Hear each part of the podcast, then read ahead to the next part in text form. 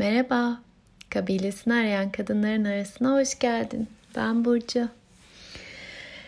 Ah, nasılsın bugün? Bugün senin için nasıl bir gün? Ben henüz kararımı vermedim. Saat 8.07 burada. Kızımı erken okula bıraktım. Ve eksi biri gördüm arabanın göstergesinde. Hayli soğuk bir gün. Ee, bir 45 dakika kadar sonra da buradan bir kadınla yürüyüş yapacağız. Çok şükür ki yine çok kadınla iletişim halindeyim. Gerçekten birlikte bir örümcek ağ gibi ağlar ördüğümüzü hissediyorum. Ve dün çok güçlü bir ses vardı içimde. Şunu söyleyen, şu an dünyada olma sebeplerimden bir tanesi kadınların kendiyle, hayatla ve birbirleriyle olan bağlarını dönüştürüp güçlendirmelerine destek olmak. Evet, şu an için bu böyle. Bunun için buradayım. Bunu yapabildiğim, buna vesile olduğum her an o varoluştan gelen gerçekten evet buradayım, yaşıyorum, oluyorum dediğim e, hem dingin hem yumuşak hem güçlü hali e, deneyimleyebiliyorum. Çok şükür ki. Bazen böyle konuşuyoruz ya hayat amacı falan diye. Hatta benim internet sitemde de e, isteği yapalı 5 yıla yakın oluyor. Böyle bir cümlem var ama artık hani bundan daha başka bir yerdeyim. Sistemi güncellemeyi istiyorum. E, hayat amacını konuşuyoruz ya tek bir şeymiş gibi. Bana tek bir şey gibi gelmiyor birincisi. İkincisi de e, her dönem içimizden e, çıkıp görünür olacak birer güçlü parçanın e, bizim vesilemizle hayata katabileceği başka şeyler de olabilir. Yani tek bir şey bulmak durumunda değiliz. O yüzden bu cümleyi kurarken şu an diyorum, şu an böyle. Yıllar içinde şanslıysam ve yaşamaya devam edersem neler olur gerçekten bilmiyorum. çok şükür çemberler paylaştığımız alanlar var. Yine öyle bir alanda fark ettiğim bir şeyi e, dile getirmek istedim. Çünkü ben de çok canlı. Sanırım biraz onunla oturmam, konuşmam gerekecek. Az önce de biraz oturdum. E, bundan 5 yıl önce yaklaşık bir ilişki koçluğu eğitimi almıştım. Çok keyifli. O eğitimden sonra bir atölye yapmak istemiştim. O zamanlar para kazanma ihtimalim de çok kısıtlıydı. Sağ olsun vazgeçmeyen parçam, girişimci ruhum. Araştırmalar yapmaya başlamıştım. Benim için hala öğrenmenin en güzel yolu bunu birilerine sunmaya e, niyet etmektir bu arada. Çünkü her eğitim tasarlayacağımda bir konunun içine dalıp, derinine dalıp e, çok daha detaylı bir şekilde onunla demlenme şansım olur, yoğrulma şansım olur. E, o da öyle olmuştu aslında bir ilişki atölyesi yapmaya niyet ettiğimde böyle dala dala işte kendi kendime ipin ucunu takip ede ede bağlanma teorisine gitmiştim. O zamanlar benim için bir ilkti bağlanma teorisini duymak. Ee, anne çocuk ilişkisi anlamında da bu kadar konuşulmuyordu gördüğüm kadarıyla. Sonra o ilişki atölyesinde insanlara Mary Ainsworth'un özellikle işte Bowlby ile başlayan ama Mary Ainsworth'un çalışmalarıyla devam eden hem deneyleri anlatmıştım hem de küçük bir test ve pratik yapıp bağlanma modelimize dair bir içgörü geliştirmeye çalışmıştık. O bir başlangıçtı daha doğrusu. Bugün artık çok konuşulur oldu bağlanma modelleri. Ben dün kendimle ilgili şöyle bir şeyi fark ettim. İlişkinin kesilmesinin bende söylerken bile çok güçlü duyumlar yaratan ve o ilk döneme ait yani erken çocukluk dönemine ait belli ki çok güçlü bir etkisi olan hatta yaşam tehdidi kadar güçlü bir etkisi olan bir yeri var bende.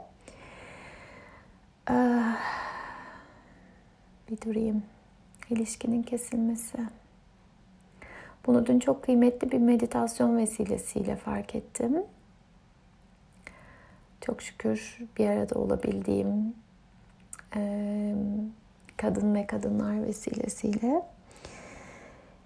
Ve sonra o kadar güçlü duygular çıktı ki içimden. Özellikle e, yani bugün buradasın ama yarın burada mısın e, bilemiyorum dediğim o güvende hissettiğim, kendim olabildiğim diyaloglarda bir anda o ya da bu sebeple e, bağlantı kesildiğinde içime ne kadar dokunabileceğini, beni ne kadar derinden yaralayabileceğini gördüğüm ki aslında yetişkin hayatımda bir kez deneyimledim bunu kendi yetişkin ilişkilerimde ve gerçekten beni çok derinden yaraladı. Şimdi orada ne olduğuna dair e, zamanla daha farklı içgörüler geliştiriyorum. Dün fark ettim ki o ilişkinin kesilmesi hali beni gerçekten yaşamsal tehdide o gerçekten kırmızı alarma sürükleyen bir yer.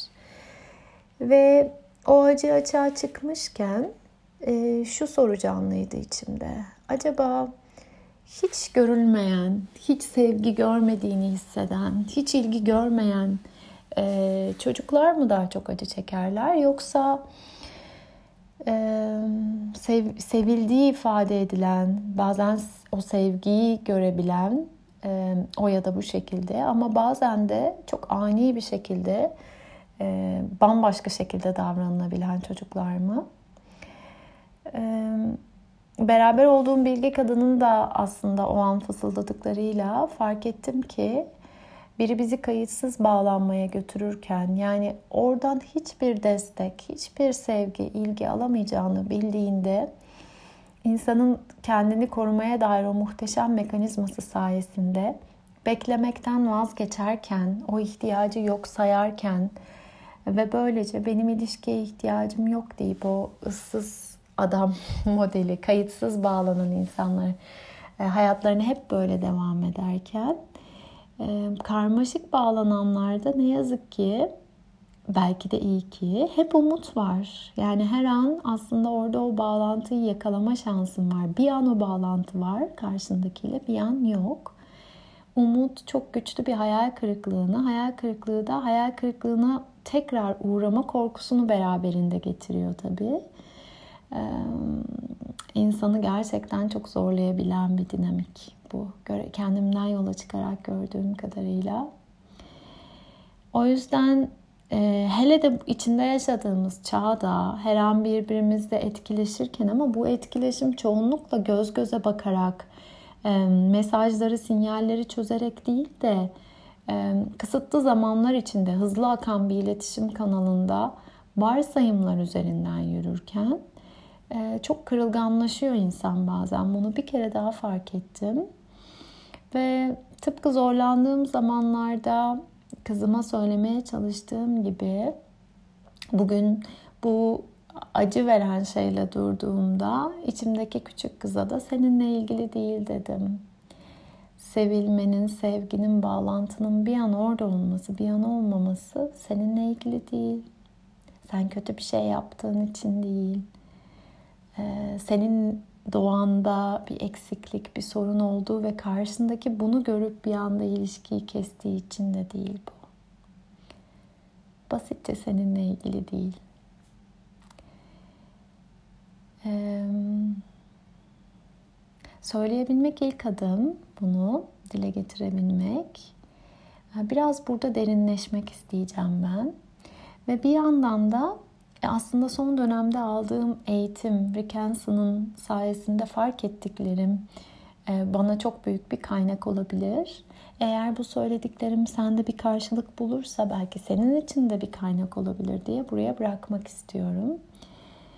C vitaminimizden bahsediyor Rick Hanson. Daha önce bir başka vesileyle paylaşmıştım. Ee, eğer bizim insan olarak üç temel ihtiyacımızdan bir tanesi yani sürüngen beynin ihtiyacı olan güvende olma, duygusal beynin ihtiyacı olan doyum, tatmin ve o bizi insan yapan korteksin bilinçli tarafın ihtiyacı olan bağlantıda olma hallerinden bir tanesi, ihtiyaçlarından bir tanesi karşılanamadıysa, sağlanamadıysa özellikle ilk dönemlerde aslında hep onun peşinde koşuyoruz ve bu anlamda kendimizi eksik, yaralı, sorunlu hissedebiliyoruz. e, bu ihtiyacım karşılanmadığı içinde bulunduğum çevrede demek yerine doğal olarak o dönem eleştirel düşünce gücümüz olmadığı için e, bana bunu vermemelerinin bir sebebi var. Demek ki bende bir sorun var. Ben bunu almaya layık değilim. Ben bunu hak etmiyorum dediğimiz bir yere doğru gidebiliyoruz. Ve Rick Hanson'ın önerdiği eğer güvende olma, doyum ya da bağlantı anlamında herhangi birinde gerçekten çok derinde kökü olan e, bir eksik hissettiğimiz bir yer varsa her gün onun için küçük küçük bir şeyler koyup küçük küçük bir besleme mekanizması yaratıp zamanla onu doldurabiliriz. Onun çok sevdiğim bir örneği var. Ee, okul yılları boyunca özellikle ilk çocukluk döneminde hep böyle arka planda kalan, işte beğenilmeyen, e, garip görünen biri olduğunu hissediyor. Ve bunun onda çok büyük bir karşılığı var. Ee, içinde kocaman bir boşluk olduğunu hissediyor tüm o ilk gençlik yılları boyunca da. Bir havuz var sanki, bomboş bir havuz. Sonra fakülte döneminde yavaş yavaş şunu fark ediyor. Aa bugün biri beni pizza yemeye çağırdı. Bugün benim nasıl olduğumu sordu biri. Ee, bugün bir kız bana gülümsedi. Bu deneyimlerle kalmanın, onları fark etmenin yani o e, en derininde tam tersi bir karşılık varken bir dakika şimdi burada bunun aksi bir deneyim yaşıyorum ben. Aksi mümkün. E, diyebilmenin ve bu deneyimin ondaki yarattığı hisleri, iyi hali içine çekmenin, onunla kalmanın zamanla o bomboş havuzu belki küçücük bir kova suyla her seferinde küçücük bir kova suyla ama saatler, günler, aylar, yıllar geçtikçe gerçekten o boşluğun dolabileceği bir şekilde beslediğini, desteklediğini anlatıyor Rickenson. Bunu ilk dinlediğimde beni çok etkilemişti. Çünkü hep es geçiyoruz o ihtimali. Ee, ben de dün keşfettiğim şeyden ve hala durduğum, birlikte durduğum şeyden yola çıkarak e, büyük bir şükran da hissediyorum bunun açığa çıkmasına. Ee, her seferinde e, içinde güvende hissettiğim ve süre gelen ilişkiler olan ilişkilerime bakıp ki çok şükür ki özellikle kadınlarla böyle çok fazla bağlantım var.